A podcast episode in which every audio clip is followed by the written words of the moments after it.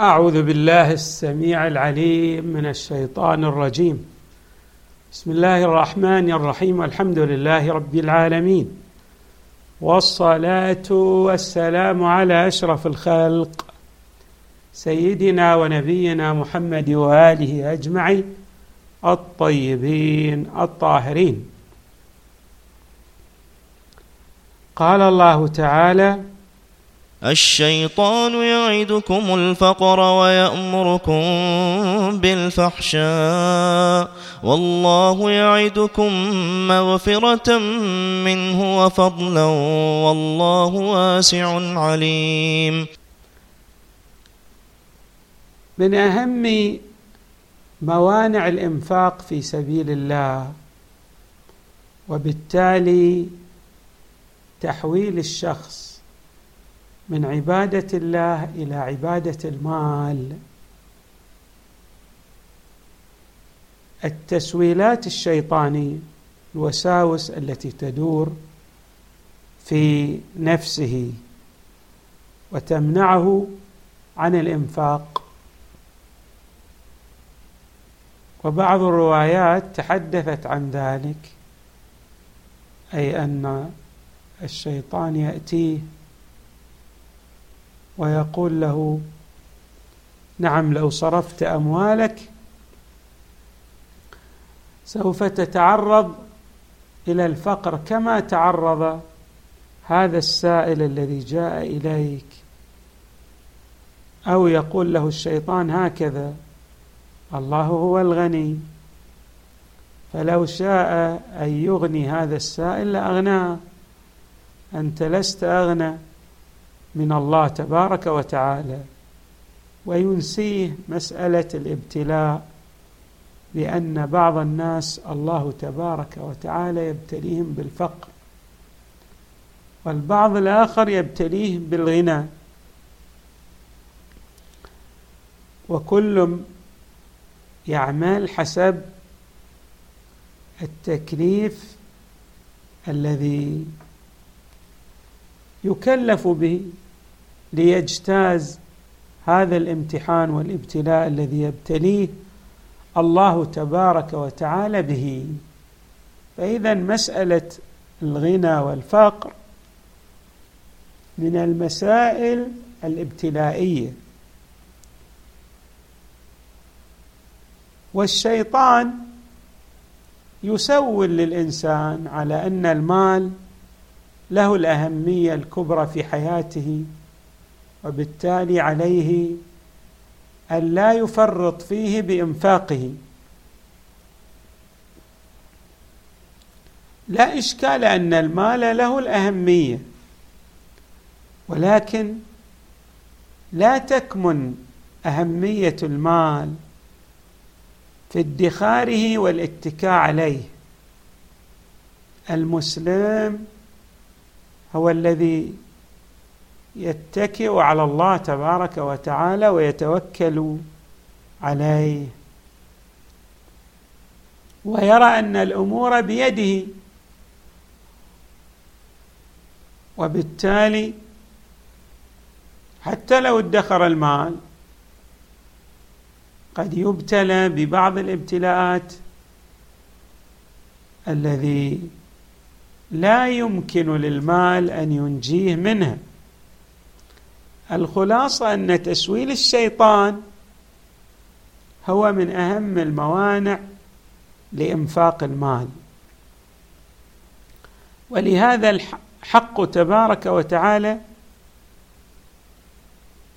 يفصح عنها المانع. الشيطان يعدكم الفقر.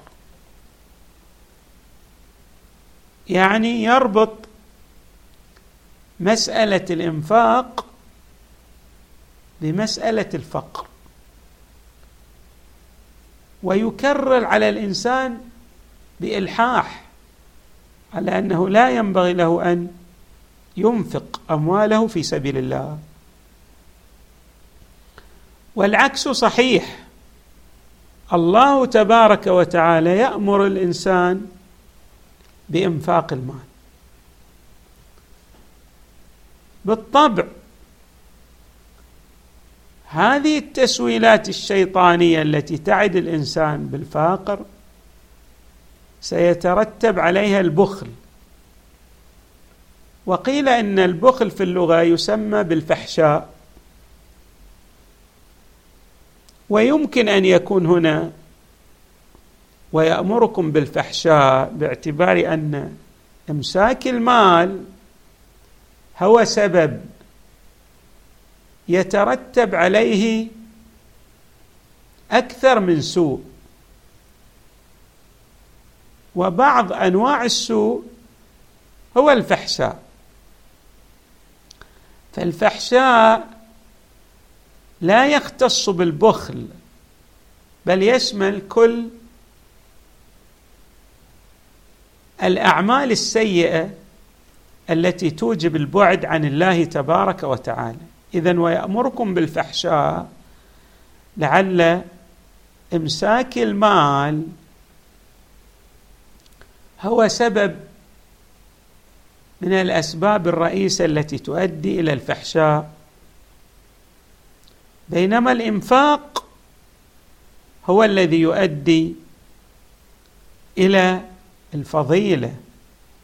وإلى السمو وإلى الرفعة. ليس للإنسان المنفق فحسب. ليس له وحده وإنما للمجتمع الذي يعيش في كنفه. الله تبارك وتعالى يبين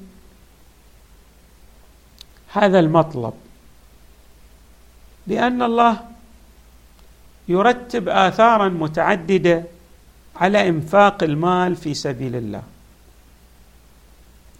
فيقول والله يعدكم مغفرة. المغفرة هي أثر من الآثار يعني ليس الأثر يكمن فقط في السعة في الرزق في دفع البلاء وفي بقية الآثار الوضعية المترتبة على إنفاق المال. كالأمن الاجتماعي مثلا. بل هناك أثر أيضا يرتبط بمغفرة الذنوب. وفي بعض آي القرآن الكريم ربط في ترتيب الآثار بأن المنفق للأموال في سبيل الله كالشهيد. كما أن هناك آثار تترتب على الشهادة في سبيل الله فكذلك هناك آثار تترتب على إنفاق المال في سبيل الله. اذا الحق تبارك وتعالى يبين لنا أنه يعد المنفق بالمغفرة. وبعطايا متعددة. عبر عنها الحق تبارك وتعالى بالفضل. فضل يعني المزيد من العطاء الذي يشمل جهات متعددة يحصل عليها هذا المنفق لامواله يعني الإنسان ليس فقط يحصل على المغفرة بل أيضا يحصل على فضل كعلو الدرجات وأن يكون من المرافقين لأنبياء الله ورسله وعباده الصالحين في الدار الآخرة. ويبين أن الله تبارك وتعالى يعد وهو قادر على إعطاء هذا الوعد لمن وعده. لماذا؟ لأن الله واسع واسع الكرم واسع العطايا. يعني الله تبارك وتعالى ليس كالإنسان يتعامل من خلال حسابات ضيقة. الله بيده ملكوت السماوات والأرض والعطاء لهذا الإنسان المنفق لا يؤثر في ملك الله شيء شيئا. يعني لا يحدث شيئا يتأثر به الملك الإلهي. اذا الله واسع في عطائه. وهو أيضا يعلم بما يترتب من الآثار على إنفاق المال من الآثار العظيمة المترتبة على إنفاق المال وبما يترتب على إمساك المال من الآثار الوبيلة. وحري بنا أن نلتفت إلى أن الإنسان عنده وساوس شيطانية. وعنده ماذا؟ إيحاءات رحمانية. ويمكن أن نعبر عن هذا عن هذين النوعين ب يعني التفكير السلبي والتفكير الإيجابي. الإنسان الذي أفكاره إيجابية دائما يرى الخير.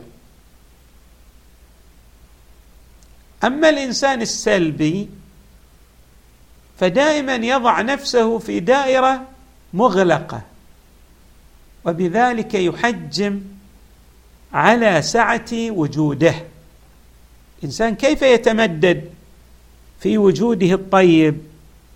من خلال العطاء مبدأ العطاء والبذل هو من أهم المبادئ التي توسع وجود الإنسان وتجعل لهذا الإنسان سعة في وجوده المعنوي اولا وتنعكس هذه السعة على وجوده المادي ثانيا. الإلهامات التي تأتي أو ما نعبر عنه بالإيحاءات الرحمانية هذا الإلهام مصدر من المصادر المهمة التي تمون الإنسان تعطي الإنسان الطاقات الخلاقة. فيصبح هذا الإنسان يعطي كما تعبر بعض الروايات في النبي صلى الله عليه وآله أنه يعني يعطي عطاء من لا يخشى الفقر ويكون أجود من الريح المرسلة. لماذا؟ لأنه لا يرى أن المال له قيمة إلا بإنفاقه. المال ليس له قيمة. في حد ذاته إذا حافظ عليه الإنسان دون أن ينفقه ليس له قيمة. قيمته بإنفاقه في سبيل الله. اذا عندنا تسويلات شيطانية أو الإلهامات من قبل الشيطان وعندنا إيحاءات وإلهامات من قبل الحق تبارك وتعالى. والإنسان إذا حكم تلك الإلهامات تحكيمها هو بالسير على ضوئها استطاع أن يمتد في وجوده المعنوي. استطاع أن يتغلب على الشح في نفسه. استطاع أن يصبح مصدرا للخير والعكس صحيح. إذا كان الإنسان يحكم تلك الوساوس الشيطانية التي تدعوه إلى إلى إمساك المال وعدم بذله في سبيل الله في الحقيقة يسجن نفسه في شرنقه يعني يقتل وجوده المعنوي من حيث لا يشعر. أكثر الناس هو يقتل ذلك الوجود أو الامتداد للوجود المعنوي من حيث لا يدرك لا يشعر. متى يشعر الإنسان بلذه العطاء في سبيل الله عندما يمارس ذلك العطاء.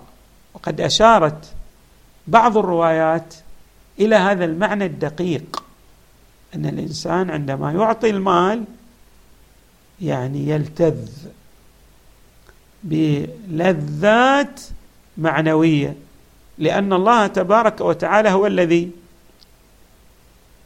يأخذ تلك الصدقة أو ذلك المال الذي قدمه في سبيل الله من يده. اذا حري بالمؤمن أن يلتفت إلى أهمية العطاء في سبيل الله وأن لا يدور في فلك الوعود الشيطانية بالفقر. وأوامر الشيطان التي تؤدي به إلى الفحشاء كما يعبر القرآن الكريم. بل عليه أن يلتفت إلى أن الله تبارك وتعالى هو المصدر للغنى وهو المصدر للفضل وهو الواسع في عطائه وهو الذي يعلم بحقيقة هذا الإنسان وما يصلحه كفرد وما يرجع عليه بالخير. كمجتمع وأمة. نسأل الله تبارك وتعالى أن يجعلنا وإياكم من الذين تترسخ جذور المعرفة القرآنية الداعية إلى الإنفاق في سبيل الله في نفوسهم لنقتدي بمحمد وآله البررة الميامين. والحمد لله رب العالمين. وصلى الله وسلم وزاد وبارك على سيدنا ونبينا محمد وآله أجمعين الطيبين الطاهرين.